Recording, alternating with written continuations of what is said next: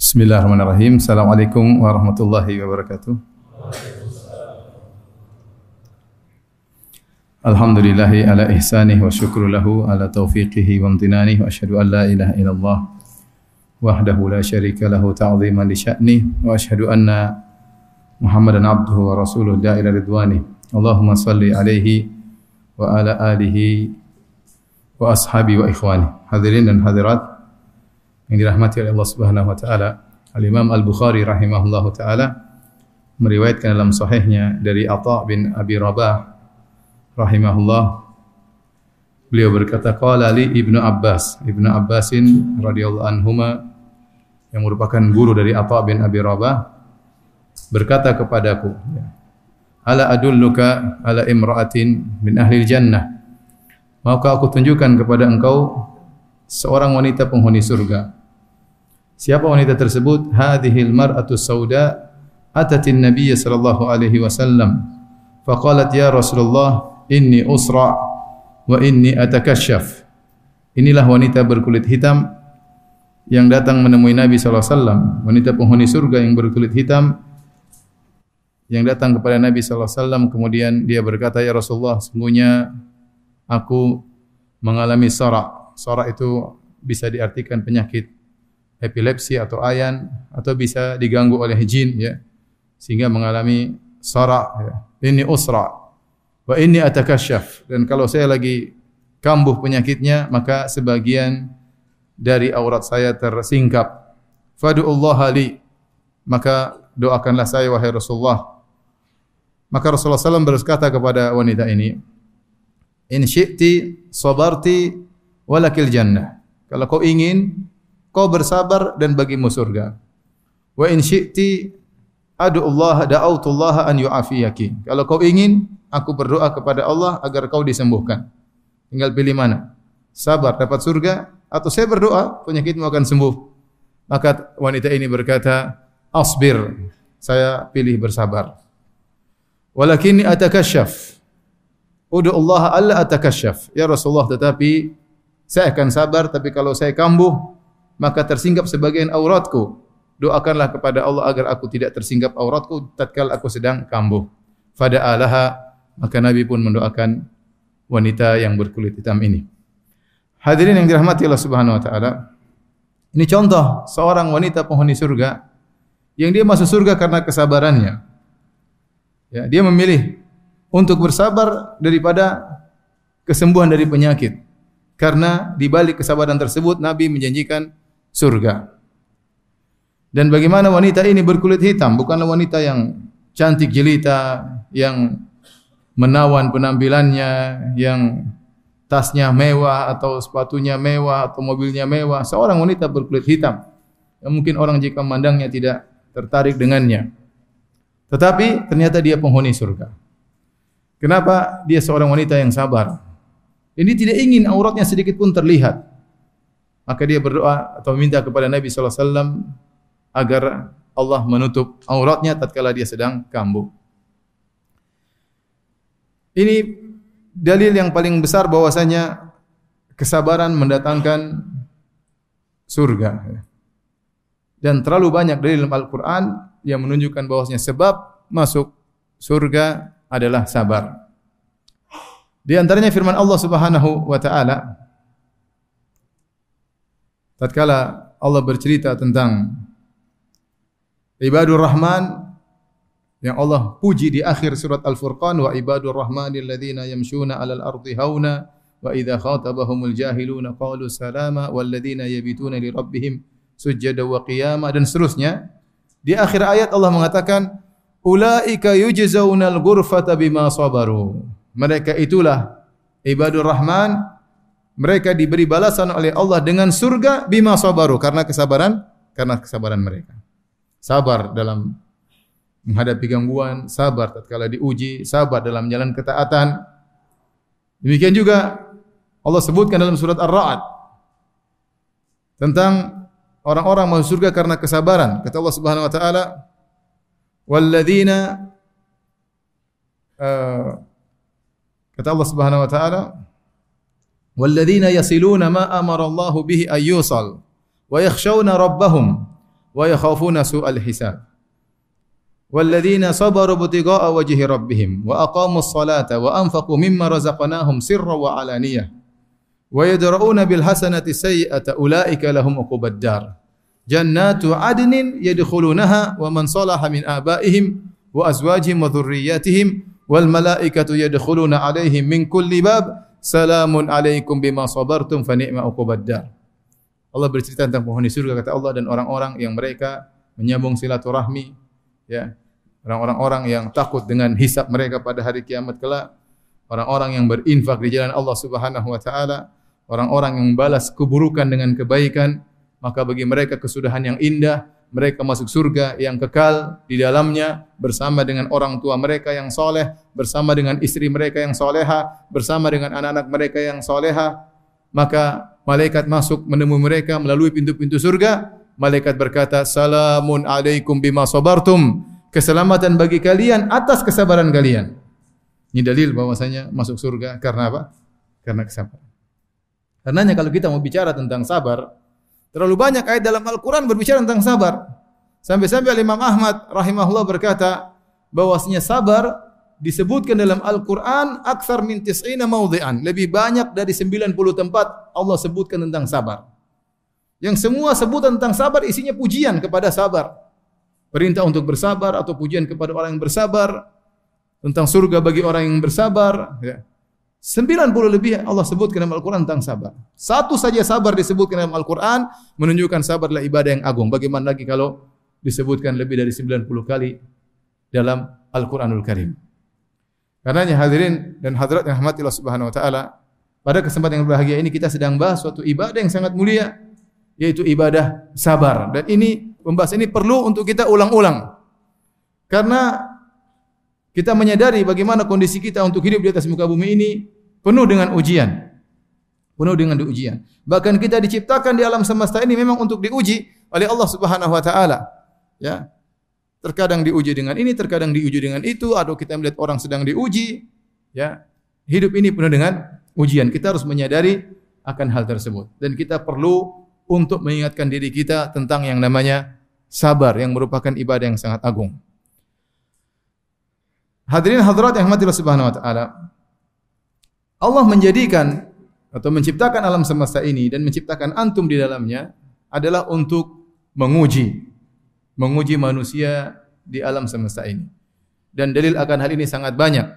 Di antaranya Allah Subhanahu wa taala berfirman, Tabarakalladzi biyadihil mulku wa huwa ala kulli syai'in qadir. Alladzi khalaqal mauta wal hayata liyabluwakum ayyukum ahsanu amala. Ya, dialah Allah yang telah menciptakan kehidupan dan menciptakan kematian untuk menguji kalian, untuk menguji kalian. Siapa di antara kalian yang terbaik amalannya? Jadi Allah ciptakan kehidupan, kematian, Allah menciptakan antum untuk menguji antum sekalian. Allah menciptakan alam semesta kata Allah Subhanahu wa taala huwa alladhi khalaqas khalaq huwa alladhi khalaqas samawati wal arda wa ma bainahuma fi sittati ayyamin wa kana arshuhu 'alal ma' liyabluwakum ayyukum ahsanu amal dalam surat Hud kata Allah dialah Allah yang telah menciptakan langit yang tujuh dan bumi ya dan apa yang ada di antara keduanya. Untuk apa? Allah menciptakan alam semesta liyabluwakum untuk menguji kalian. Siapa di antara kalian amalan yang terbaik? Allah menciptakan alam semesta untuk diuji. Allah menghiasi di atas muka bumi ini. Buat apa? Untuk menguji manusia. Inna ja'alna ma'alal ardi zinatan laha linabluwahum ayyuhum ahsanu amala. Kami yang menjadikan di atas muka bumi ini perhiasan semua perhiasan kami jadikan di atas muka bumi ini, keindahan alam, harta, ya, dan semuanya dia beluahum untuk menguji mereka siapa di antara mereka amalan yang terbaik. Maka kita harus sadar bahwasanya selama kita hidup di atas muka bumi ini, kita sedang diuji oleh Allah Subhanahu wa taala. Kullu nafsin dha'iqatul maut. Wa nabluhum bisyarri wal khairi fitnah wa nabluukum bisyarri wal khairi fitnah wa ilaina turja'un. Kata Allah setiap yang bernyawa pasti merasakan kematian dan kami menguji kalian dengan keburukan dan kebaikan dan kepada kamilah kalian tempat kembali. Peringatan dari Allah selama Anda masih hidup, Anda pasti diuji. Entah diuji dengan keburukan, entah diuji dengan kemewahan, ya. Entah diuji dengan kemiskinan, kesusahan, entah diuji dengan harta, kesehatan, ya, kepintaran dan yang lainnya. Namun Allah ingatkan di akhir ayat, wa ilaina turja'un, kepada kamilah kalian akan dikembalikan untuk dimintai pertanggungjawaban. Jadi intinya selama kita di muka bumi ini kita pasti akan di diuji. Yang tidak mau diuji mati saja ya. Selama dia masih hidup dia pasti di diuji. Lihatlah kenyataan manusia yang ada. Adakah seorang tidak diuji? Semua orang diuji. Siapa pun strata ekonominya, siapa pun jab, apa pun jabatannya, mau raja, mau presiden, mau rakyat jelata, mau ustadz, mau bukan ustadz ya, mau orang fajir, mau orang soleh, semuanya diuji oleh Allah Subhanahu wa taala. Ya, sebagian orang diuji dengan suaminya ya.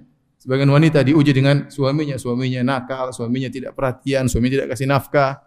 Sebagian suaminya ngomong tiap hari saya mau poligami, mau poligami, mau poligami, tidak pernah poligami. Tiap hari menyakiti hati dan tidak pernah ada pembuktiannya. Nanti kalau sudah dibuktikan ujian berikutnya. Baik. Ada orang diuji dengan ya, orang tuanya. Saya kemarin baru ditanya, Ustaz, ibu saya Ustaz, ya tiap hari ngomel, saya berbuat baik selalu diomelin, selalu diomelin. Bayangkan ada diuji dengan apa orang tuanya. Orang tua tidak pernah berterima kasih. Dia sudah berusaha semaksimal mungkin tidak berterima kasih, selalu direndahkan. Apa kerjaanmu? Kamu apa manfaatnya jadi anak? Mana baktimu? Selalu ya, ada orang diuji dengan orang tuanya. Ada diuji, ada orang diuji dengan mertuanya. Betapa banyak wanita mengeluh diuji dengan ibu mertuanya. Ribut dengan ibu mertuanya terus. Ya. Itu tidak. Betapa banyak wanita mengeluh hidup dengan ibu mertuanya, ribut terus dengan ibu mertuanya. Ya. Seperti itu, namanya kehidupan. Ada seorang wanita diuji, ya sudah lama menikah, tidak ada, eh sudah lama hidup, sudah tua tidak ada yang melamar dia, tidak ada yang melamar dia. Diuji dengan kesendiriannya, jadi jomblowati ya. Menangis kepada Allah, ya Allah kapan saya bisa menikah. Sisi lain, ada yang menikah terus menderita. Kenapa suaminya brengsek? Ada seorang wanita diuji sudah lama menikah tidak punya anak, selalu berdoa ya Allah berikan aku anak, berikan aku enggak punya anak terus. Di sisi lain ada wanita diuji anaknya nakal-nakal. Jangan antum sangka ada orang hidup tidak diuji. Semuanya pasti apa di? Diuji ya. Antum lihat pejabat tidak diuji, presiden tidak diuji ya. Uh, pejabat ya orang menteri tidak diuji, mereka juga diuji. Mereka juga dimaki-maki rakyat. Mereka juga dituntut rakyat. Setiap melakukan kebaikan dituduh yang tidak-tidak ya. Namanya ujian ya. Antum kira orang punya perusahaan besar tidak diuji? Diuji. Kita punya kawan-kawan ada yang punya perusahaan besar, mereka diuji juga. Diuji pas musim gajian, waduh. Ada seribu pegawai harus digaji. Pikir mereka pusing. Pegawainya yang miskin-miskin yang mau digaji, nggak pusing, senang. Sebentar lagi gajian. Yang punya perusahaan mikir gimana menggaji mereka. Apalagi kalau sudah lebaran, THR, bayangkan. Tidak kerja sebulan dikasih bonus gaji sebulan. Yang pusing siapa? Yang pusing yang punya perusahaan. Padahal perusahaannya apa? Besar. Jadi ikhwan, sudahlah. Ente jangan berkhayal tidak diuji dalam kehidupan ini. Apalagi jika antum beriman kepada Allah Subhanahu wa taala, lebih lagi dijanjikan ujian. Lebih lagi dijanjikan ujian oleh Allah Subhanahu wa taala. Alif lam mim ahasiban nasu ayutraku ayakulu amanna wa hum la yuftanun. Ya. Alif lam mim. Apakah manusia dibiarkan mengaku-ngaku telah beriman dan mereka tidak diuji? Walaqad fatanna alladziina min qablihim fala ya'lamanna Allahu alladziina shadaqu wa la ya'lamanna al-kadzibin. Sungguh kami telah menguji orang-orang sebelum mereka. Kalian akan diuji sebagaimana orang-orang sebelum kalian juga pernah diuji. Kami akan menguji mereka agar Allah mengetahui mana yang imannya benar dan mana iman yang tidak tidak benar. Jadi pasti diuji. Justru antum mengatakan kami beriman, maka akan diuji oleh Allah Subhanahu wa taala. Am hasibatum an tadkhulul jannata wa lamma ya'tikum mathalul ladzina khalau min qablikum massathumul ba'sa'u wad-dharra'u wa zulzilu. Apa kalian menyangka akan masuk surga sementara belum datang ujian yang menimpa kalian sebagaimana yang menimpa orang-orang sebelum kalian? Massathumul ba'sa'u wad-dharra'u wa zulzilu. Mereka ditimpa dengan kesulitan, dengan penderitaan, digoncang oleh Allah Subhanahu wa taala. Inilah tabiat kehidupan bahwasanya tidak ada orang yang tidak diuji dalam kehidupan ini. Ya. Allah Subhanahu wa taala menekankan ya La uqsimu bihadzal balad wa anta hillum bihadzal balad wa walidi wa ma walad laqad khalaqnal insana fi kabad. Kata Allah, sungguh aku bersumpah dengan negeri Mekah, dengan kota Mekah. Dan engkau tinggal di kota Mekah dan demi orang tua dan demi anaknya, ya. Apa yang Allah sumpahkan? Laqad khalaqnal insana fi kabad. Sungguh kami telah ciptakan manusia dalam susah payah. Manusia diciptakan dalam kesusah payahan. Tidak ada ya selalu happy itu enggak ada. Itu mustahil. Karena Allah sudah bersumpah, "Laqad khalaqnal insana fi kabad." Kami ciptakan manusia dalam kepayahan. Sejak dia lahir, belum lahir dia sudah bikin repot ayah dan ibunya. Ya. Dalam perut ibunya dia bikin ibunya muntah-muntah, susah, ngidam, bikin bapaknya setengah mati ya. Dia lahir dengan tangisan, dengan kepayahan. Ya, dan seterusnya kehidupan kesulitan satu demi yang lainnya. Ya. Kemudian dia harus sekolah, harus belajar. Susah atau tidak? harus sekolah, harus belajar, dimarahin orang tua, diomelin orang tua, dimarahin guru, dikasih PR. Enggak ada yang santai-santai, semuanya setengah mati. Sudah remaja, kemudian belajar lagi, kemudian sekolah, kemudian cari pekerjaan, belum tentu diterima, lamar sana, lamar sini. Sudah punya duit, cari istri, setengah mati lagi ya. Ya, jomblo bertahun-tahun ya. Melamar sana ditolak, melamar sini ditolak, duit tidak ada ya. Kemudian akhirnya dapat seorang akhwat ternyata akhwatnya masalah ya. Ternyata suka ngomel tiap hari, nuntut sana, nuntut sini, dapat mertua kurang ajar, waduh repot. sebagian orang, sebagian orang tidak begitu ya. Maksud saya, banyak orang mengalami seperti itu, ya. banyak ya. penderitaan, penderitaan, penderitaan. Nanti sakit, nanti ini ya, berusaha dikhianati orang, ditipu orang ya. Dan macam-macam. Nanti menjelang meninggal kemudian dalam kondisi sakaratul maut dengan kepayahan sudah meninggal dikuburkan ditanya oleh malaikat mungkar dan nakir mengalami kehidupan alam barzah dibangkitkan dalam kepayahan. Demikianlah manusia laqad khalaqnal insana fi kabad. Tidak ada manusia luput dari apa? Kepayahan. Dia akan hidup dalam kepayahan. Ini semua ayat mukaddimah yang sampaikan. Ingin menjelaskan kepada antum sekalian bahwasanya kita hidup dunia ini harus siap untuk diuji dan kalau kita bisa menghadapi ujian tersebut dengan suatu ibadah yang namanya sabar, maka kita akan meraih surga yang sangat tinggi. Karena itu ibadah yang sangat mulia, ibadah yang sangat agung sampai Allah sebutkan dalam Al-Qur'an lebih dari 90 kali tentang sabar yang menunjukkan agungnya ibadah sabar tersebut. Hadirin dan hadirat yang dirahmati oleh Allah Subhanahu wa taala. Apa itu sabar? Sabar dalam bahasa Arab artinya al-habsu, yaitu artinya menahan. Ya. Artinya seorang yang sabar, dia menahan lisannya, menahan hatinya, dan menahan jawarehnya, anggota tubuhnya. Dia menahan hatinya, jangan sampai dia suudzon kepada Allah Subhanahu wa taala. Jangan sampai dia protes dengan keputusan Allah Subhanahu wa taala. Ya, maka dia ridha dengan keputusan Allah Subhanahu wa taala. Dia ridha. Allah telah mentakdirkan demikian dan dia tidak akan keluar dari takdir Allah Subhanahu wa taala dan dia tahu ini semua dari Allah Subhanahu wa taala. Kemudian dia sabar dengan lisannya, dia tahan lisannya. Jangan sampai dia mengucapkan kata-kata yang menunjukkan dia protes dengan takdir Allah Subhanahu wa taala. Kemudian dia menahan anggota tubuhnya, jangan sampai dia melakukan hal-hal yang menunjukkan dia protes terhadap keputusan Allah Subhanahu wa taala. Makanya Nabi SAW mengatakan laisa minna man darabal khududa wa syaqqal juyuba wa da'a bid'awal jahiliyah. Bukan dari golongan kami. Seorang tatkala terkena musibah, kemudian dia tampar-tampar pipinya, kemudian dia robek-robek bajunya, eh, jambak-jambak rambutnya, ya. kemudian banting sana banting sini. Itu semua menunjukkan dia tidak sabar. Maka orang kalau mau sabar, menjalankan yang namanya sabar, dia menahan hatinya, menahan lisannya dan menahan apa? anggota tubuhnya. Baru dikatakan dia telah bersabar. Dan ini memang ibadah yang tidak mudah, ibadah yang berat ya. Makanya kalau seorang yang bisa mencapai derajat sabar, dia telah mendapatkan karunia yang sangat besar. Kata Nabi SAW, "Wa ma'utiya ahadun ata'an khairan wa awsa' minas sabar." Tidaklah seorang diberikan suatu anugerah yang lebih luas dan lebih baik daripada sabar.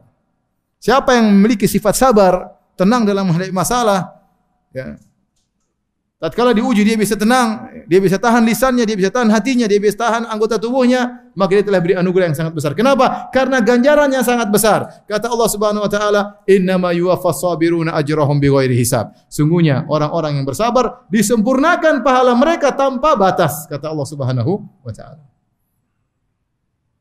Baik. Hadirin dan hadirat yang rahmatillah Subhanahu wa taala. Bentuk-bentuk sabar. Ini sering kita sampaikan tapi kita ulang-ulang lagi ya. Kebanyakan orang tatkala berbicara tentang sabar, mereka menyangka bahwasanya yang namanya sabar hanyalah sabar tatkala terkena musibah. Padahal sabar itu ada tiga. Sabar itu ada tiga. Yang pertama, sabar dalam menjalankan ketaatan. Yang kedua, as-sabru anil ma'siyah, sabar dalam meninggalkan kemaksiatan. Dan yang ketiga, sabar ala aqdarillah al-mu'limah, sabar tatkala mendapat musibah. Ini tiga jenis kesabaran yang disebutkan oleh para ulama. Semuanya butuh kesabaran. Sabar dalam menjalankan ketaatan, butuh kesabaran, meninggalkan maksiat, butuh kesabaran, dan yang ketiga, tatkala terkena musibah juga butuh kesabaran. Mana di antara tiga sabar ini yang terbaik? Khilaf di kalangan para ulama. Ada yang mengatakan bahwasanya sabar menjalankan ketaatan dan sabar meninggalkan maksiat lebih baik daripada sabar tatkala terkena musibah. Kenapa bisa demikian? Karena sabar tatkala terkena musibah itu sabar terpaksa yang disebutkan oleh para ulama dengan as-sabru al-ittirari sabar terpaksa. Dia tidak ada pilihan kecuali dia harus menjalani takdir Allah tersebut. Adapun sabar menjalankan ketaatan dan sabar meninggalkan maksiat itu namanya as-sabr al-ikhtiyari, sabar pilihan. Karena di depan dia ada pilihan. Sekarang azan subuh. Dia milih untuk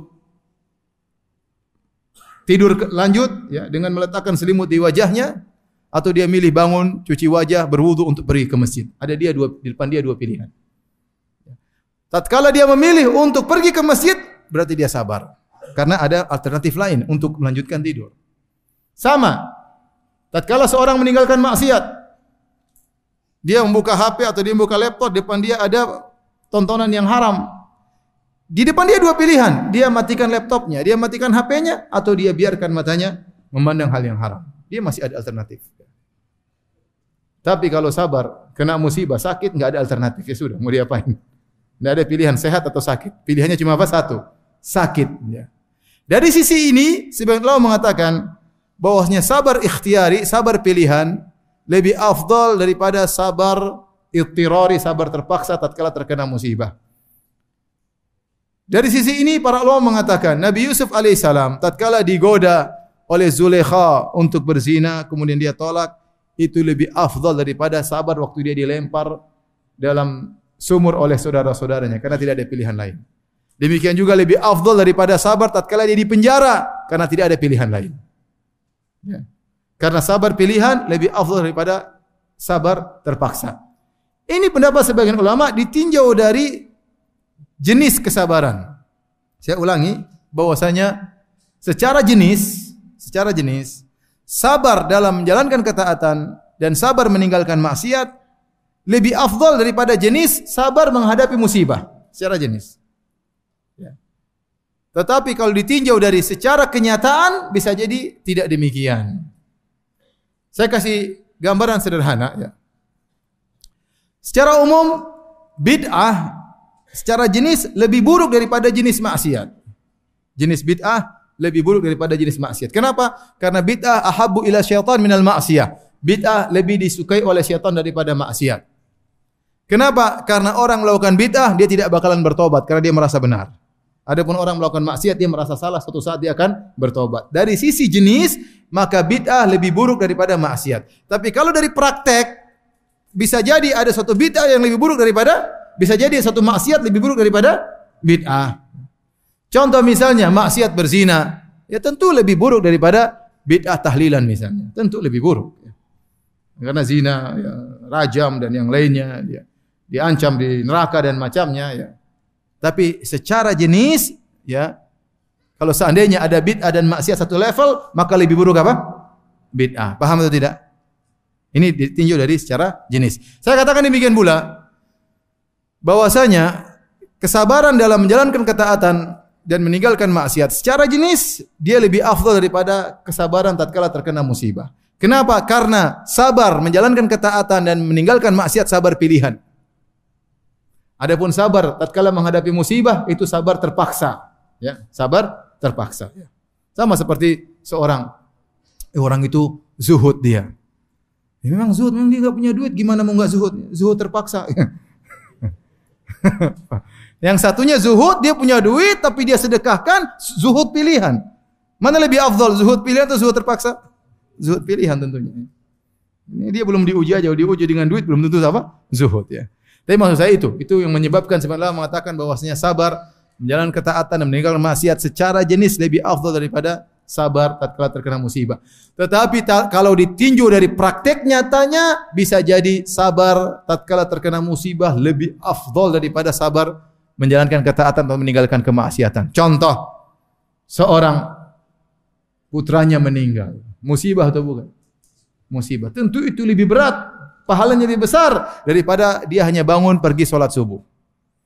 Dia untuk bisa bangun sholat subuh dalam rasa ngantuk, butuh kesabaran. Dia harus lawan rasa kantuknya, dia harus bangun, dia harus berwudu, pergi ke masjid. Ini pahalanya besar. Tetapi ditinjau dari dari kenyataannya, tentu orang yang diuji dengan putranya meninggal itu lebih apa? Lebih berat. Maka pahalanya lebih besar. Intinya para hadirin dan hadirat Allah Subhanahu wa taala, kita harus sadar bahwasanya dalam kehidupan ini kita dihadapi dengan tiga ujian. Ujian untuk menjalankan perintah Allah, ujian untuk meninggalkan larangan Allah dan ujian untuk menerima apa yang Allah takdirkan kepada kita dari musibah-musibah yang Allah tetapkan kepada kita. Nah, bagaimana kita bisa bersabar tatkala kita menghadapi ini semua ya? Bagaimana kita menanamkan sabar dalam diri kita agar kita bisa menghadapi segala ujian yang Allah berikan kepada kepada kita. Tentunya kita berusaha semaksimal mungkin, berusaha untuk bersabar semaksimal mungkin kita berusaha untuk sering selalu, bisa sabar. Terkadang kita tidak sabar itu manusiawi. Tatkala kita tidak sabar segera istighfar kepada Allah Subhanahu wa taala. Tapi kita ingin semaksimal mungkin kita selalu bersabar tatkala diuji oleh Allah Subhanahu wa taala. Nah, saya pada kesempatan kali ini lebih fokus kepada sabar tatkala terkena musibah. Apa yang kita lakukan? Apa yang perlu kita renungkan agar kita tatkala terkena musibah kita bisa lebih bersabar. Taib, yang pertama, Hadirin dan hadirat yang rahmatillah subhanahu wa taala. Tatkala kita terkena musibah, maka pertama yang kita ingat-ingat adalah inilah tabiatul hayat, inilah tabiat kehidupan. Bahwasanya kehidupan isinya adalah ujian, semua orang pasti diuji. Bukan cuma kita diuji, semua orang pasti pernah diuji dan semua orang pasti akan diuji ya dan ada sebagian orang sedang diuji. Maka jangan Anda mengira hanya Anda sendiri yang diuji. Masih banyak orang di diuji. Ya akhi subhanallah kemarin saya ngisi pengajian di satu tempat. Muazzinnya seorang anak remaja, saya tanya kelas berapa dia? Kelas 5 SD. Matanya enggak udah buta. Kondisi buta kemudian matanya keluar kelihatan sekali di bulatan matanya. Kemudian dia santai, dia azan, kemudian dia duduk tidak menangis, tidak meronta-ronta subhanallah. Kita dikasih mata bisa melihat ya. Dan macam-macam dia nggak bisa melihat, tapi dia tenang. Dia muadzin, dia komat. Subhanallah. Kayak tidak ada masalah. Kita bilang kalau kita diuji seperti dia nggak tahu. Ya. Kita nggak tahu bisa kayak apa. Jadi intinya ya tatkala Anda diuji, tahulah, yakinlah Anda bosnya. Bukan cuma Anda yang diuji, banyak orang yang diuji. Tetangga Anda juga diuji, teman Anda juga diuji, orang jauh juga diuji, orang dekat juga diuji. Ya. Bahkan terkadang ujian mereka lebih berat daripada ujian ujian kita. Sebagian antum mungkin kena banjir. Ada yang kena banjir. Sudah berapa banjirnya? Baru apa satu apa sampai di lutut, tapi lantai dua. wow, di lutut lantai dua, masya Allah. itu kenyataan. Ada orang seperti itu, masya Allah. Kemarin ada yang sampai lantai tiga, ya. Coba dia renungkan masih banyak lebih parah. Ada yang mobilnya tenggelam, mobilnya, eh mobilku, mobilku ke bawah semuanya, masya Allah. Ada yang mobil mungkin harganya miliar-miliar, ada yang ratusan juta, macam-macam. Ya. Jadi bukan cuma antum saja yang kena banjir, banyak orang yang kena apa? Banjir. Ya sudah antum renungkan ternyata bukan saya saja. Ya alhamdulillah. Ini ujian yang saya hadapi dan dihadapi juga oleh banyak banyak orang ini meringankan ujian kita karena kita tahu inilah tabiat daripada kehidupan, sifat kehidupan adalah memberi ujian kepada orang yang hidup di dalam kehidupan tersebut. Tidak mungkin antum menghindari ujian tersebut. Yang kedua para hadirin hadirat yang hatilah subhanahu wa ta'ala. Ini berkaitan dengan iman kepada takdir. Antum harus tahu bahwa sini semua sudah ditakdirkan 50 ribu tahun sebelum Allah menciptakan langit dan bumi. Antum tidak mungkin menghindar dari ujian apa pun. Kalau Allah sudah takdirkan musibah tersebut, tidak mungkin antum menghindar. Satu dunia ingin menyelamatkan antum dari ujian tersebut tidak bakalan mampu. Sebab yang dikatakan ma akhta'aka lam yakun liusibak wa ma asabaka lam yakun liukhti'ak. Apa yang meleset darimu tidak akan menimpamu dan apa yang menimpamu tidak akan meleset darimu. Rufi'atil aklam wa jaffatis suhuf kata Nabi sallallahu alaihi wasallam. Pena sudah diangkat dan lembaran sudah kering, sudah tercatat. Ya. Kata Allah Subhanahu wa taala, "Ma asabakum, ma asaba fil ardi wala fi anfusikum illa fi kitabin min qabli an nabra'aha." Apa pun yang menimpa kalian, menimpa jiwa kalian, ya. Atau menimpa yang lainnya di atas muka bumi, kecuali telah tercatat di Lauhil Mahfuz. Semua dicatat sebelum Allah menciptakannya. Sebelum Allah menimpakan musibah tersebut telah tercatat. Supaya apa? Likaila ta'sau ala ma fatakum wa la tafrahu bima atakum. Agar kalian tidak terlalu bersedih kalau ada yang menimpa kalian, musibah menimpa kalian. Karena sudah ditakdirkan. Jadi tatkala sudah kita tahu sudah ditakdirkan, kita ya sudahlah mau diapain? Sudah ditakdirkan. Ya, sudah ditakdirkan. Musibah apa pun, antum misalnya tahu-tahu dimaki orang. Ya sudah, sudah ditakdirkan. Antum santai aja. Antum pulang ke rumah, ternyata masalah dengan istri misalnya. Istri ngomel-ngomel, mas ini begini, abang tuh begini-begini. Subhanallah. 50 ribu tahun sebelum Allah ciptakan langit dan bumi sudah dicatat. Kamu bakalan ngomelin saya pada hari ini. Sudah. Mau diapain? Sabar. Sudah selesai. Antum tidak akan bisa merubah takdir tersebut. Sudah ditakdirkan. Diapain? Ya. Seorang kodarullah, seorang wanita sudah berusaha menikah dapat suami yang buruk. Ternyata, ternyata, kodarullah.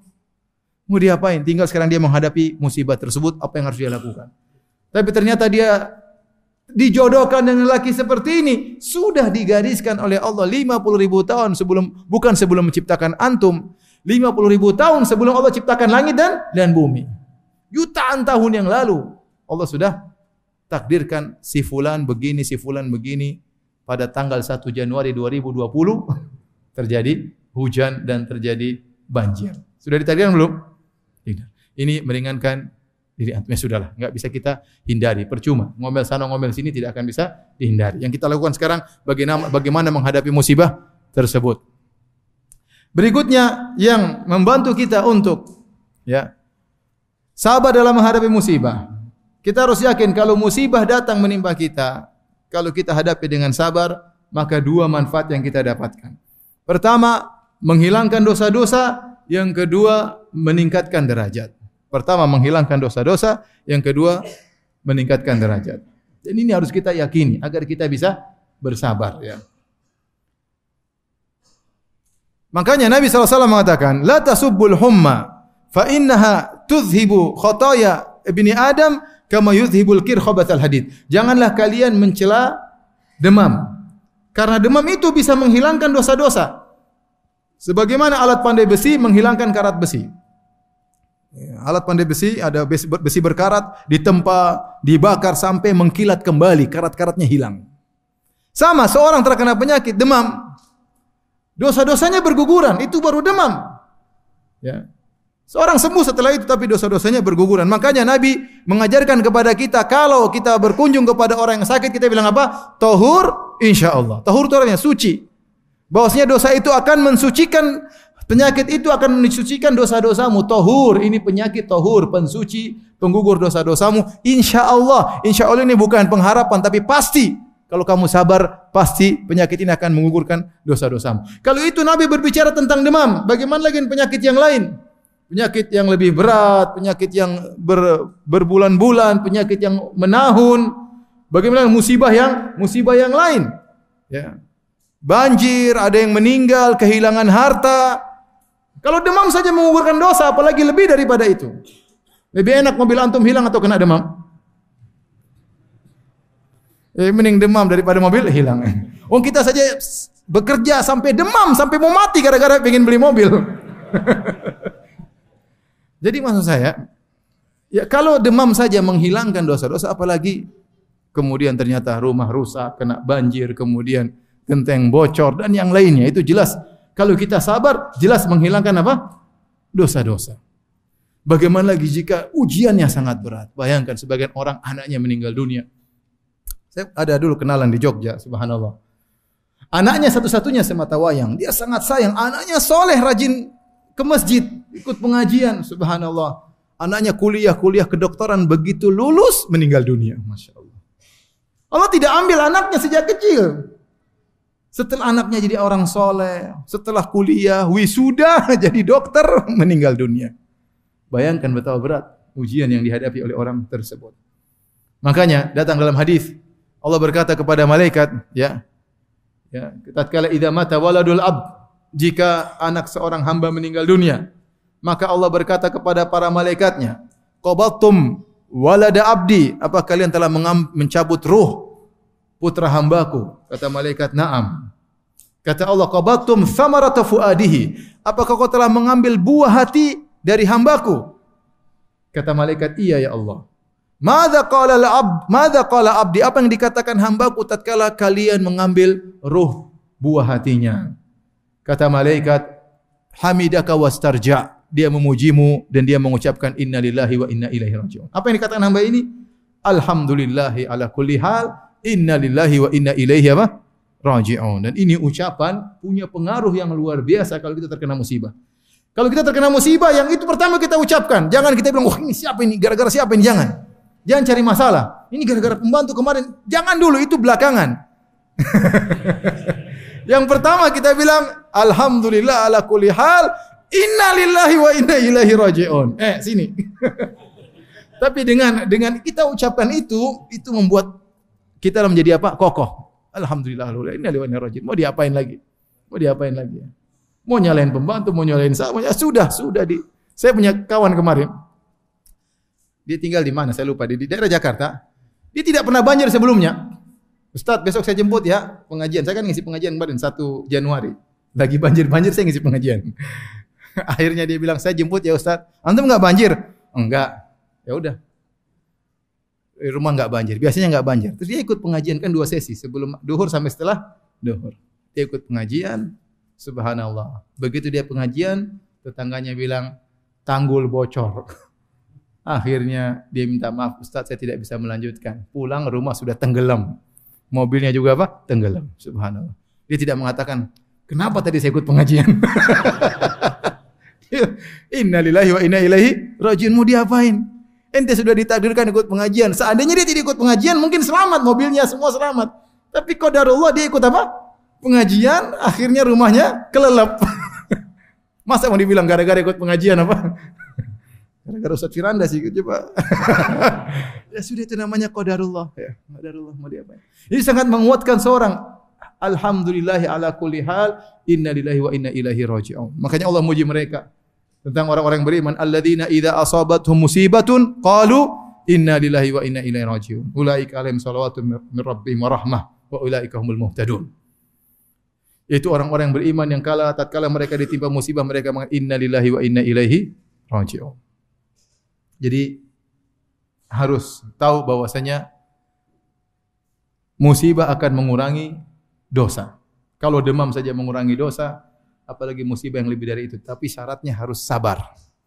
Kalau tidak sabar, ngamuk-ngamuk, hujan kok gak berhenti-berhenti, ah itu repot. Kamu, dia protes sama siapa itu? Sama siapa? Sama Allah Subhanahu wa taala. Tidak sabar, tidak mengurangi dosa-dosanya kalau begitu caranya. Tidak mengurangi dosa-dosanya. Sabar. Kemudian dia marah-marah, banting sana, banting sini ya percuma. Musibah tersebut tidak mengurangi dosanya, bahkan semakin buat dia terpuruk. Ingat, musibah bisa mendatangkan nikmat dan musibah bisa mendatangkan azab. Kapan mendatangkan nikmat bagi seorang hamba? Tatkala seorang hamba dengan musibah tersebut semakin dekat dengan Allah Subhanahu wa taala. Dia kembali kepada Allah, dia ingat kepada Allah Subhanahu wa taala. Dia istirja inillahi wa inna raji'un, ya. Minta pertolongan kepada Allah, maka itu adalah musibah yang mendatangkan nikmat. Tapi kalau ternyata tatkala musibah kemudian dia merobek-robek bajunya, menjambak-jambak rambutnya, marah sana marah sini, justru itu kata Nabi laisa minna, bukan dari golongan kami orang yang seperti itu. Berarti musibah tersebut merupakan hukuman dan mendatangkan azab bagi dia. Ini di antara yang perlu kita renungkan kalau kita terkena musibah. Bosnya musibah, sekecil apa pun akan mengurangi apa?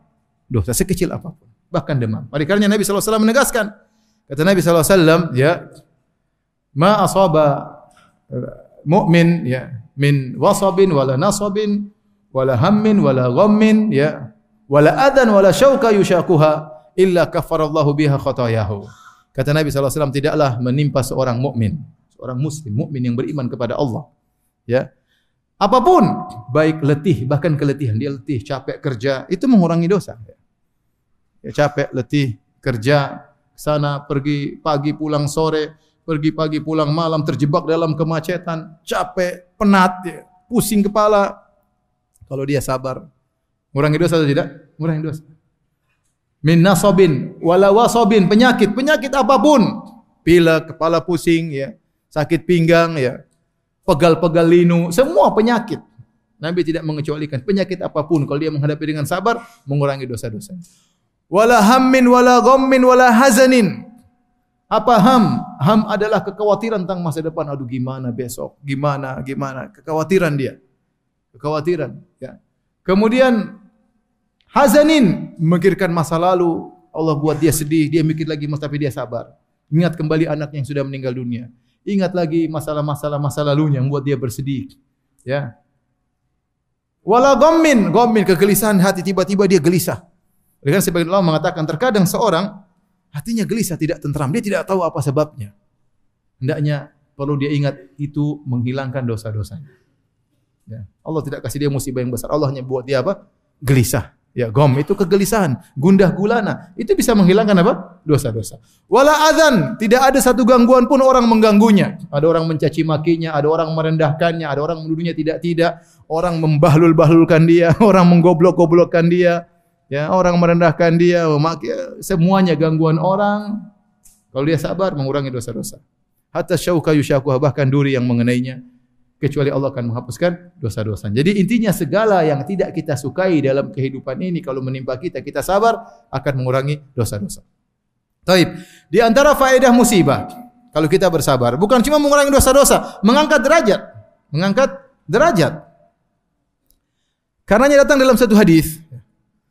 Sungguhnya Allah melihat kepada seorang hamba Allah ingin mengangkat derajatnya, Allah sudah takdirkan dia di surga yang tinggi. Tapi ternyata dilihat pada amalannya tidak mencukupi untuk mengangkat derajatnya. Maka Allah kasih dia musibah, Allah kasih dia musibah sehingga akhirnya pahalanya banyak. Akhirnya dia bisa sampai pada derajat tersebut. Ya. Logikanya sederhana. Ini ada orang Allah ingin masukkan di surga yang tinggi. Tetapi dilihat salat malamnya pas-pasan, kadang bangun, kadang nggak bangun. Lihat sedekahnya masih pelit-pelit, terkadang dermawan, terkadang apa? Lebih banyak pelitnya. Kemudian sama orang tua ada dia berbakti tapi kurang baktinya. Sementara Allah ingin surganya tinggi. Bagaimana cara dia dapat pahala yang banyak? Allah kasih musibah.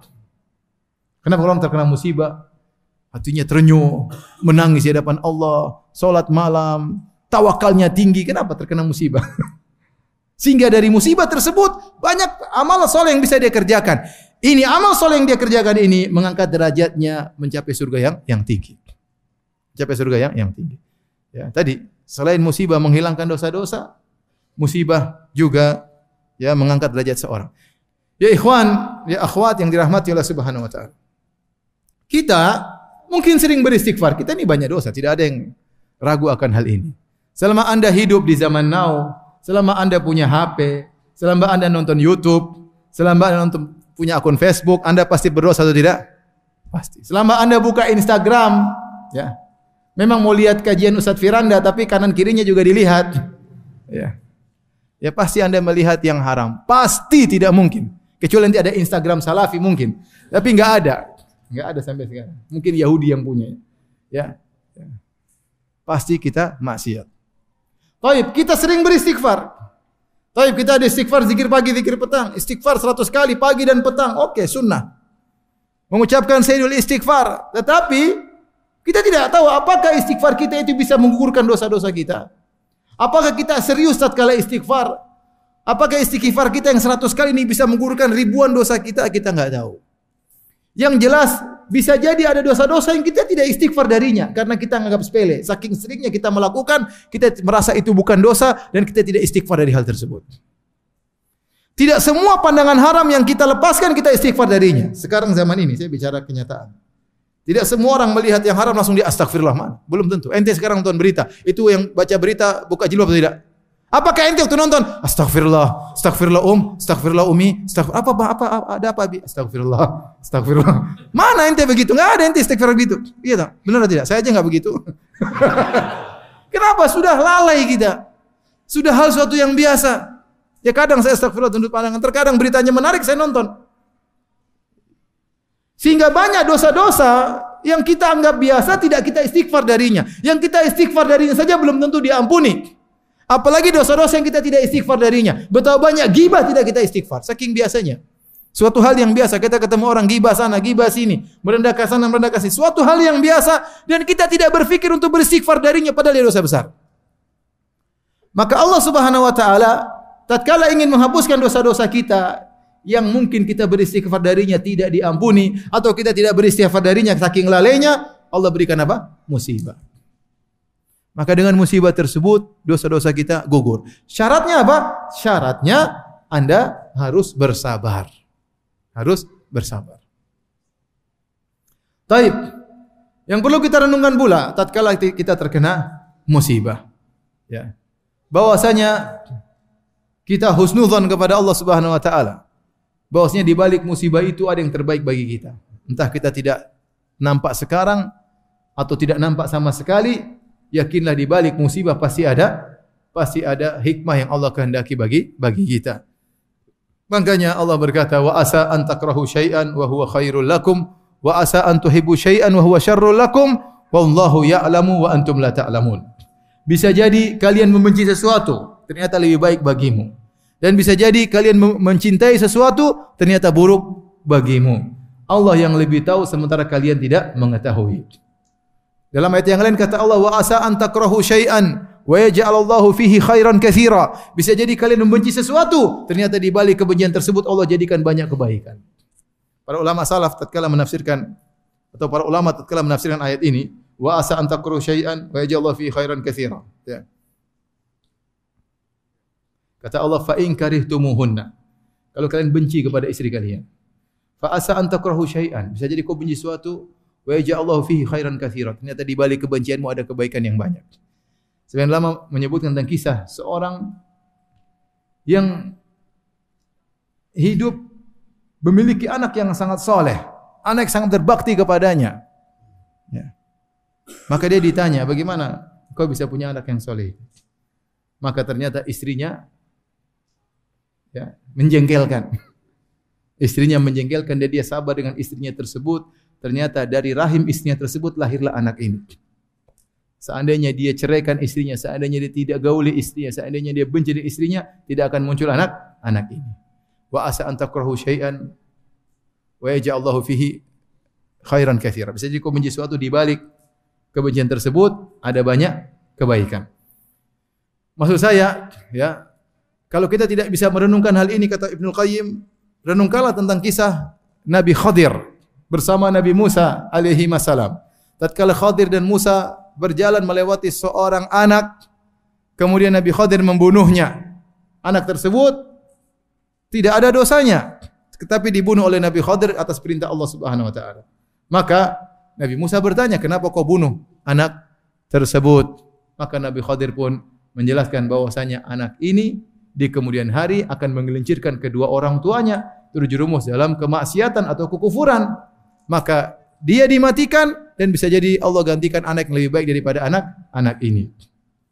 Ini logika sederhana kata Ibnu Qayyim rahimahullah taala. Bisa jadi kau cinta sesuatu, Allah ambil yang kau cinta tersebut karena di balik yang kau cintai tersebut ada keburukan. Bisa seorang lahir anaknya, kemudian begitu lahir meninggal dunia.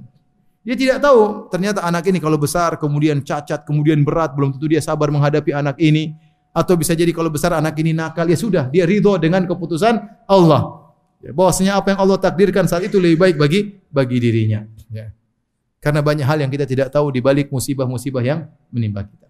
Terkadang kita terkena musibah agar kita tidak sombong, agar kita tidak angkuh. Kita sudah lama tidak ibadah kepada Allah, kita sudah lama tidak terenyuh kepada Allah, Allah kasih musibah. Akhirnya kita tiap malam sholat, sholat malam. Jadi banyak bisa jadi intinya kalau Allah kasih kita musibah kita husnudzon. Bosnya di balik musibah ini pasti ada kebaikan yang Allah kehendaki. Taib hadirin dan hadirat yang rahmatillah subhanahu wa ta'ala. Di antara hal yang memudahkan kita untuk meninggalkan musibah.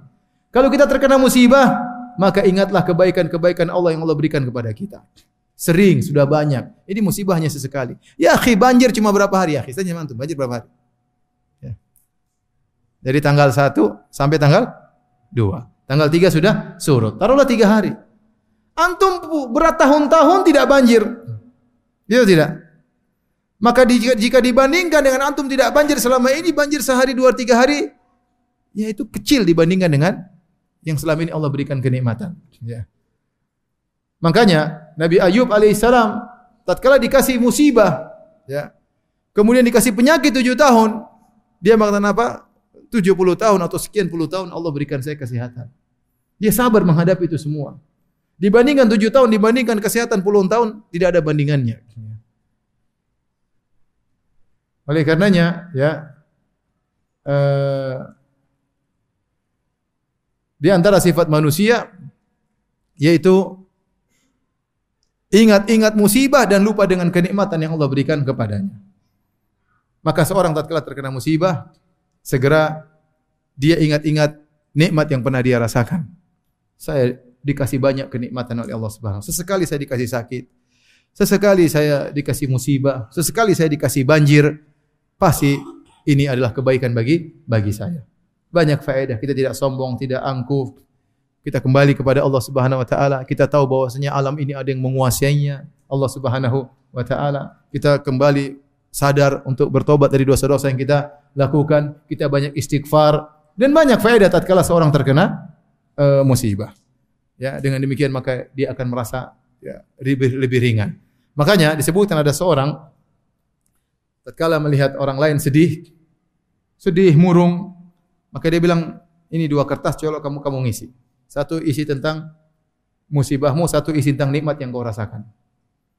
Ya, kita dia ngisi tentang musibah, mungkin sakit hati. Ya.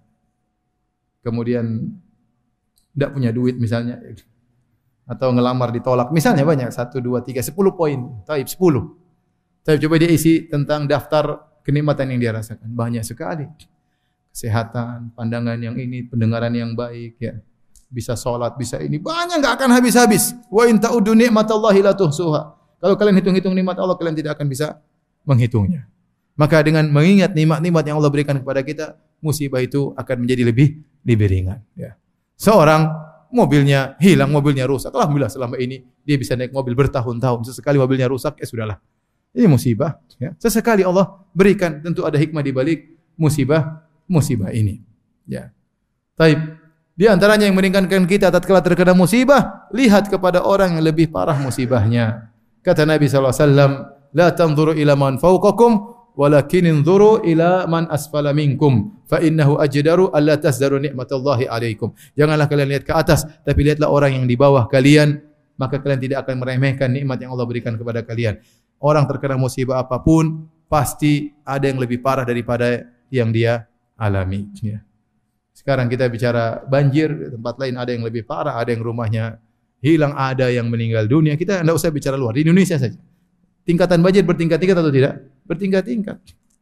Ada yang cuma satu meter, lantai dua. ada yang rumahnya kelelep. Ada yang bukan cuma rumahnya, mobilnya juga hilang. Ya. Ada yang bukan cuma rumah, ada yang nyawanya hilang. Ada yang kesetrum, yang tahu sekarang berapa sudah meninggal dunia. Tatkala dia merenungkan tersebut, dia tahu bahwasanya ya musibah itu bertingkat-tingkat dan dia akan lebih ringan tatkala dia tahu bahwasanya ada yang lebih parah musibahnya. Ya. Hadirin dan hadirat yang rahmatillah subhanahu wa ta'ala. Inilah ya mungkin sedikit yang bisa sampaikan pada kesempatan kali ini ya.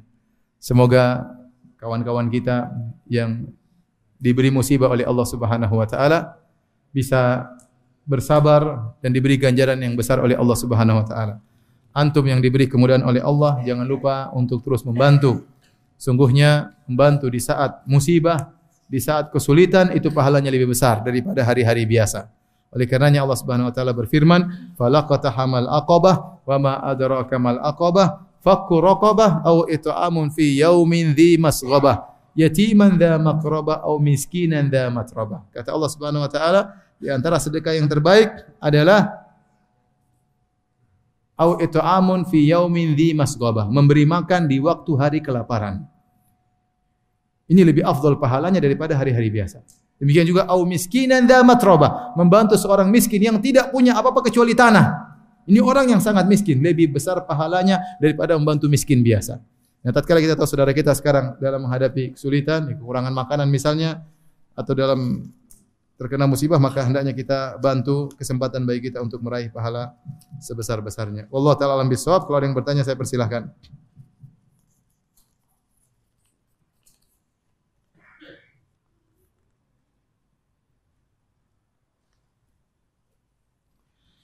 Apakah sama levelnya sabar terhadap sakit yang disebabkan oleh diri kita sendiri dan sakit yang Allah beri bukan karena maksiat kita?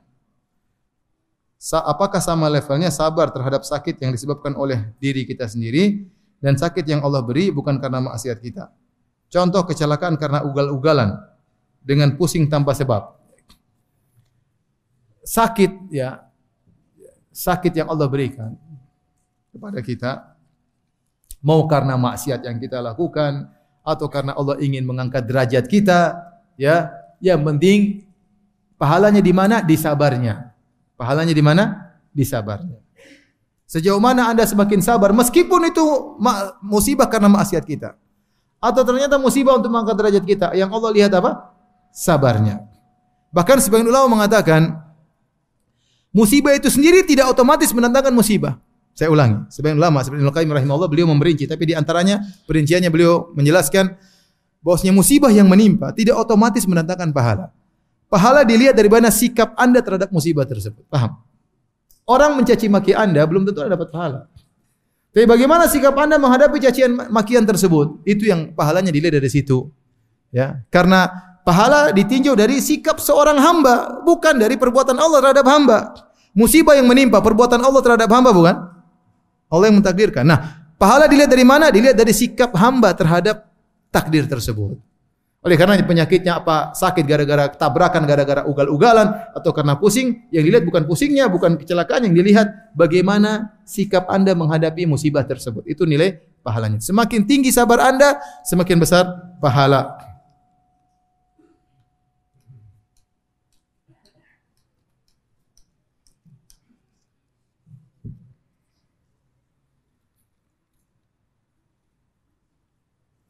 Anak punya seorang ibu memiliki penyakit diabetes sudah bertahun-tahun sampai-sampai jempol kakinya sudah diamputasi. Memang beliau bersabar, namun terkadang beliau juga mengeluh atas penyakitnya.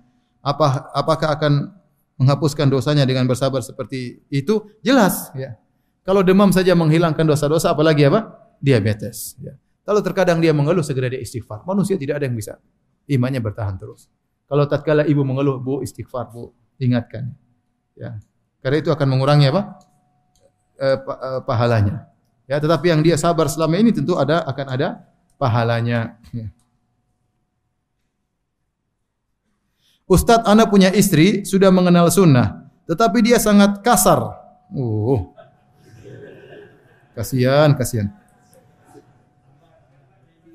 Terkadang kalau marah, ini istrinya orang Karawang bukan? Ustadz, anak punya istri sudah mengenal sunnah, tapi dia sangat kasar. Terkadang kalau marah suka memaki anak dengan kata-kata kasar. Anak berusaha bersabar. Bilang apa? Ini 50 ribu tahun sudah Allah Terkadang anak juga enggak sabar. Kalau marah selalu minta cerai. Apakah anak ceraikan saja istri anak? Atau anak terus bersabar? Jika anak menceraikannya, apakah termasuk dalam uzur syar'i? Mohon nasihatnya Ustaz. Sabar ya akhi, sabar. Perempuan memang begitu, diciptakan dalam kondisi bengkok ya. Makanya kita harus bersabar menghadapi kebengkokan perempuan tersebut. Nabi berkata, "Istausu bin nisa'i khaira." Ya, fa innal mar'a khuliqat min dhila. Salinglah menasihati di antara kalian wahai para suami untuk berbuat baik kepada istri. Jadi harus saling saya harus saling mengingatkan. Sekarang saya suami saya ingatkan kalian. Ya.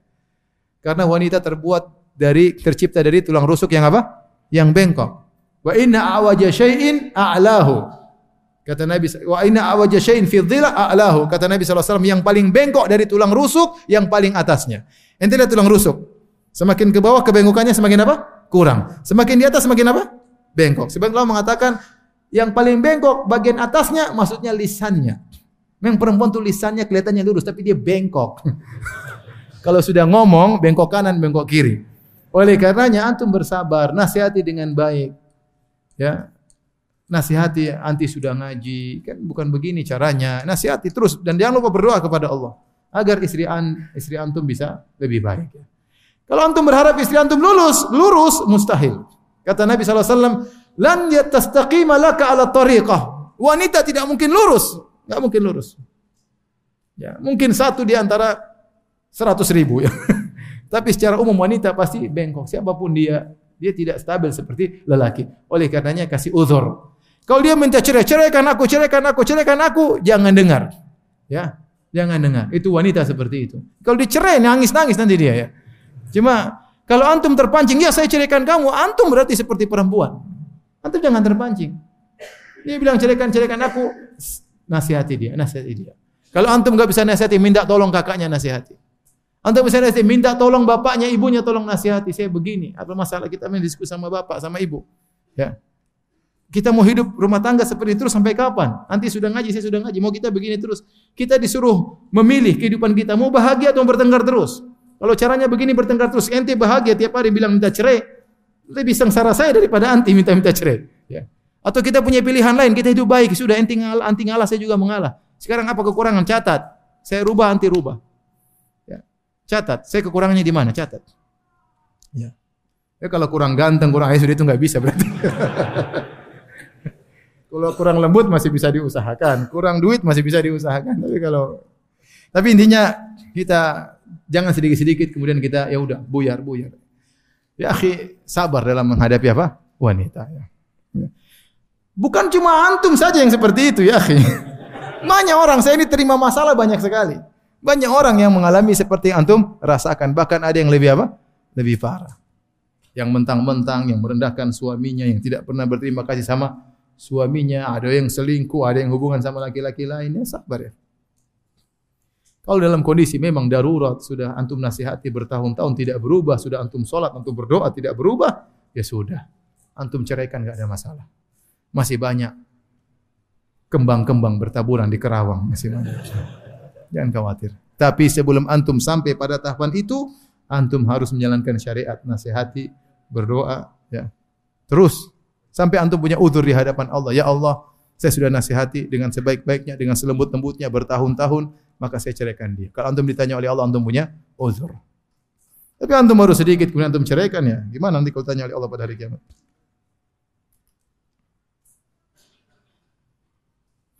Ada ustadz salafi tapi suka mentahdir TV roja dan TV sunnah lainnya.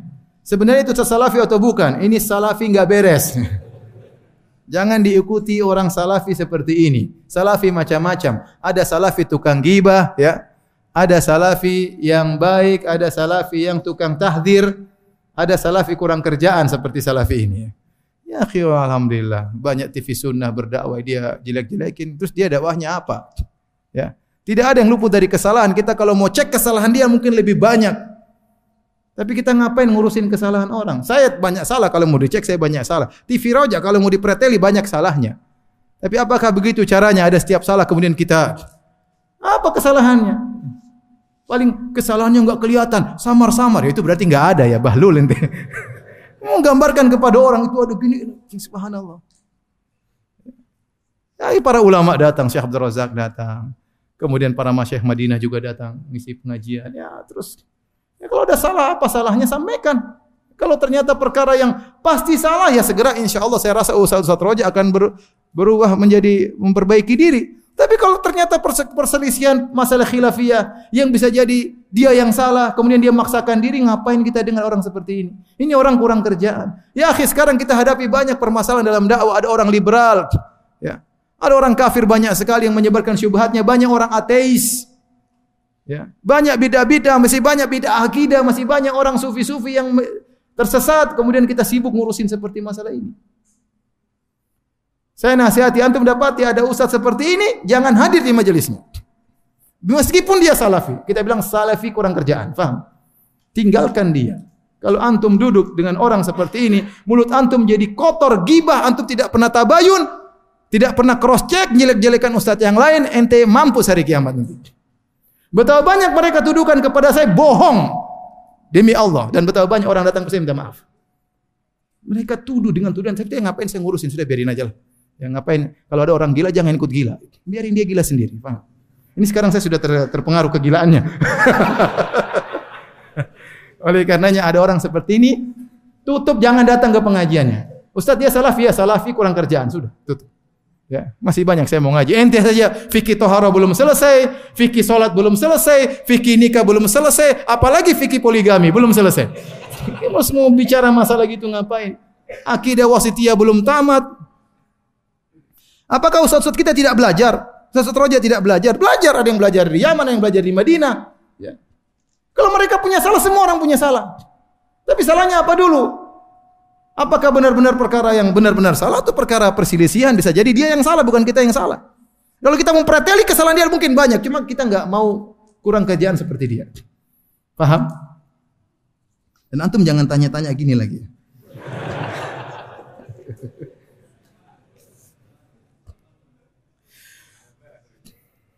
Oktober 2019. Prolog. Pertanyaan segini. Ini pertanyaan niat betul pertanyaannya. Saya bacakan antum dengar. Antum sabar dengar pertanyaannya. Prolog. Penanya Abu Abdurrahman. Namanya sudah dia samarkan ya. Namanya saya ingin tahu namanya bukan kunyahnya. Penanya Abu Abdurrahman, hamba Allah. Oktober 2019, niatan ta'adud dan nama akhwatnya sudah ana sebut dalam doa di Multazam dan Raudhah ketika umrah. Masya Allah. Dia doa serius bayangkan. di multazam sama di raudhah. Bukan doain orang tuanya, dia doa ini biar bisa ta'adud. Masya Allah. Dan coba dengar. Alhamdulillah saat ini istri anak sudah ridho. Masya Allah. Dan ikhlas. Bahkan sudah mengenal akhwat calon istri kedua lewat ta'aruf dan teleponan. Rumah untuk calon istri kedua sudah ada. Wish. Sudah bangun ruangan kedua, Masya Allah. Jadi saya punya kawan dari Arab, saya punya kawan dari Arab Saudi. Dia punya teman istrinya empat. Ya, orang Saudi biasa istrinya empat tuh biasa, tiga, empat, dua. Kita aja yang kurang biasa. Ya. mereka istrinya banyak biasa. Suatu hari dia jalan sama teman saya itu, teman saya jalan sama dia. Tiba-tiba masuk di sekitar seperti ruangannya, tiba-tiba ada pintu kecil kebuka, ditutup lagi. Ada ruangan khusus. Terus teman saya tanya, Ente apa ruangan itu? Kata dia, ini kalau istri semua demo saya tinggal di situ. kalau istri semua demo, saya semuanya di ruangan itu biar tentram. Jadi orang adut itu ada ada bahagianya, ada juga apa? sedihnya. Biasa. Baik. Kita lanjutkan. Rumah untuk calon istri kedua sudah ada, warisan dari ayah yang sekarang kosong tidak dihuni. Ahwat dan ibunya sudah setuju jika anak nikahi dan dijadikan istri kedua. Tinggal menuju ahwatnya selesai pesantren, dan meyakinkan wali keluarga besar akhwat serta mertua istri ana mohon doanya agar diberikan kemudahan. Amin. Wis. Pertanyaannya. Ketika ortu akhwatnya sudah lama bercerai, apakah wali tetap ada di posisi ayah kandung atau boleh berpindah meskipun ayah kandungnya masih hidup? Karena qadarullah mereka sedang ada konflik dan sepertinya keluarga akhwat lebih memilih pamannya dijadikan wali. Jawabannya tidak boleh kecuali kepada bapak kandungnya. Kecuali bapak kandungnya tidak mau menikahkan tanpa alasan syar'i maka baru berpindah perwalian tapi hendaknya perwalian tersebut yang menggugurkan adalah wali hakim di pemerintah. Laporkan kepada pemerintah apalagi ini kan kalau setuju, setuju gampang. Tinggal urus secara resmi nanti bapaknya dipanggil untuk menjadikan wali. Kalau bapaknya tidak mau dengan alasan macam-macam boleh perwaliannya digugurkan. Berpindah kepada wali yang yang lain. Apakah kepada kakeknya kemudian kepada anaknya baru kepada pamannya Apakah pernikahan kedua di situ dan seterusnya itu membuka menambah rezeki baru dan tidak mengurangi rezekinya istri yang pertama? Masing-masing ada rezekinya. Itu akhwat sebelum anda nikahi juga sudah punya rezeki atau tidak? Sudah. Anda nikahi juga dia akan bawa rezekinya, ya. Tetapi anda harus siap menghadapi ya kehidupan poligami. Saya katakan ya ikhwan, ini saya sering dengar dari bukan dari orang seperti jomblo-jomblo ente. Seperti orang-orang yang cita-cita poligami, saya dengar dari para praktisi poligami. Praktisi langsung. Mereka berkata, mereka berkata, kata dia Firanda, poligami itu lebih berat kepada tanggung jawab daripada sekedar senang-senang. Benar senang-senangnya ada, tapi tanggung jawabnya lebih apa? Besar. Ente urus dua rumah, anak-anak dari dua istri, harus pandai menghadapi, harus adil dan yang lainnya, dua punya dua mertua, punya dua kerabat yang besar, ya. Maka pertanggungjawaban itu lebih berat daripada sekedar apa? Senang-senang. Maka pertanyaan apakah pernikahan kedua membuka rezeki baru? Insya Allah membuka rezeki baru. Yang penting nanti niatkan karena Allah Subhanahu wa taala. Adakah keutamaan jika kita melaksanakan akad nikah di tanah suci? Apakah dapat pahala 100 ribu seperti sholat? Enggak lah. Seperti pahala 1000 kali 100 ribu kali nikah? Enggak.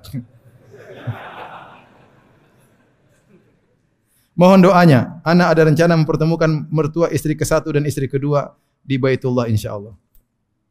Mohon buku mujizat poligami dicetak lagi Ustaz. Anda cari langka banget. Bikin banyak orang hasad nanti begini. insya Allah ya. Baik.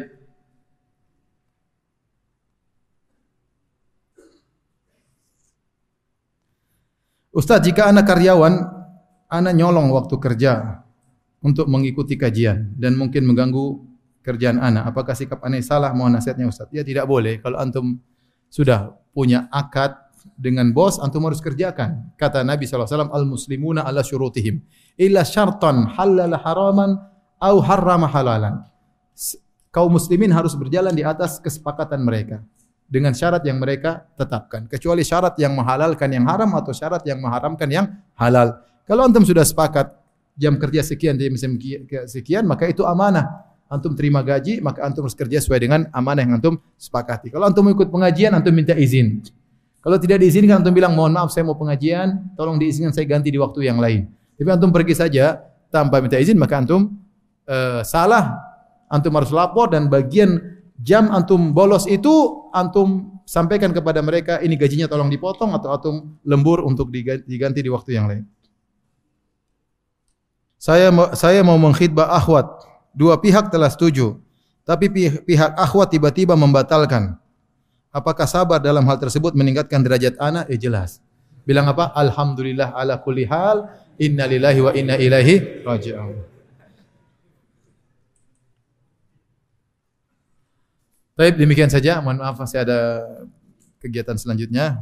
Semoga Allah Subhanahu wa taala menganugerahkan kita sabar sabar dalam menjalankan ketaatan, sabar dalam meninggalkan maksiat, terutama tatkala bersendirian dan sabar tatkala menerima musibah. Demikian kurang lebihnya saya mohon maaf. Subhanakallah bihamdik asyhadu an la ilaha illa anta astaghfiruka wa atubu. Assalamualaikum warahmatullahi wabarakatuh.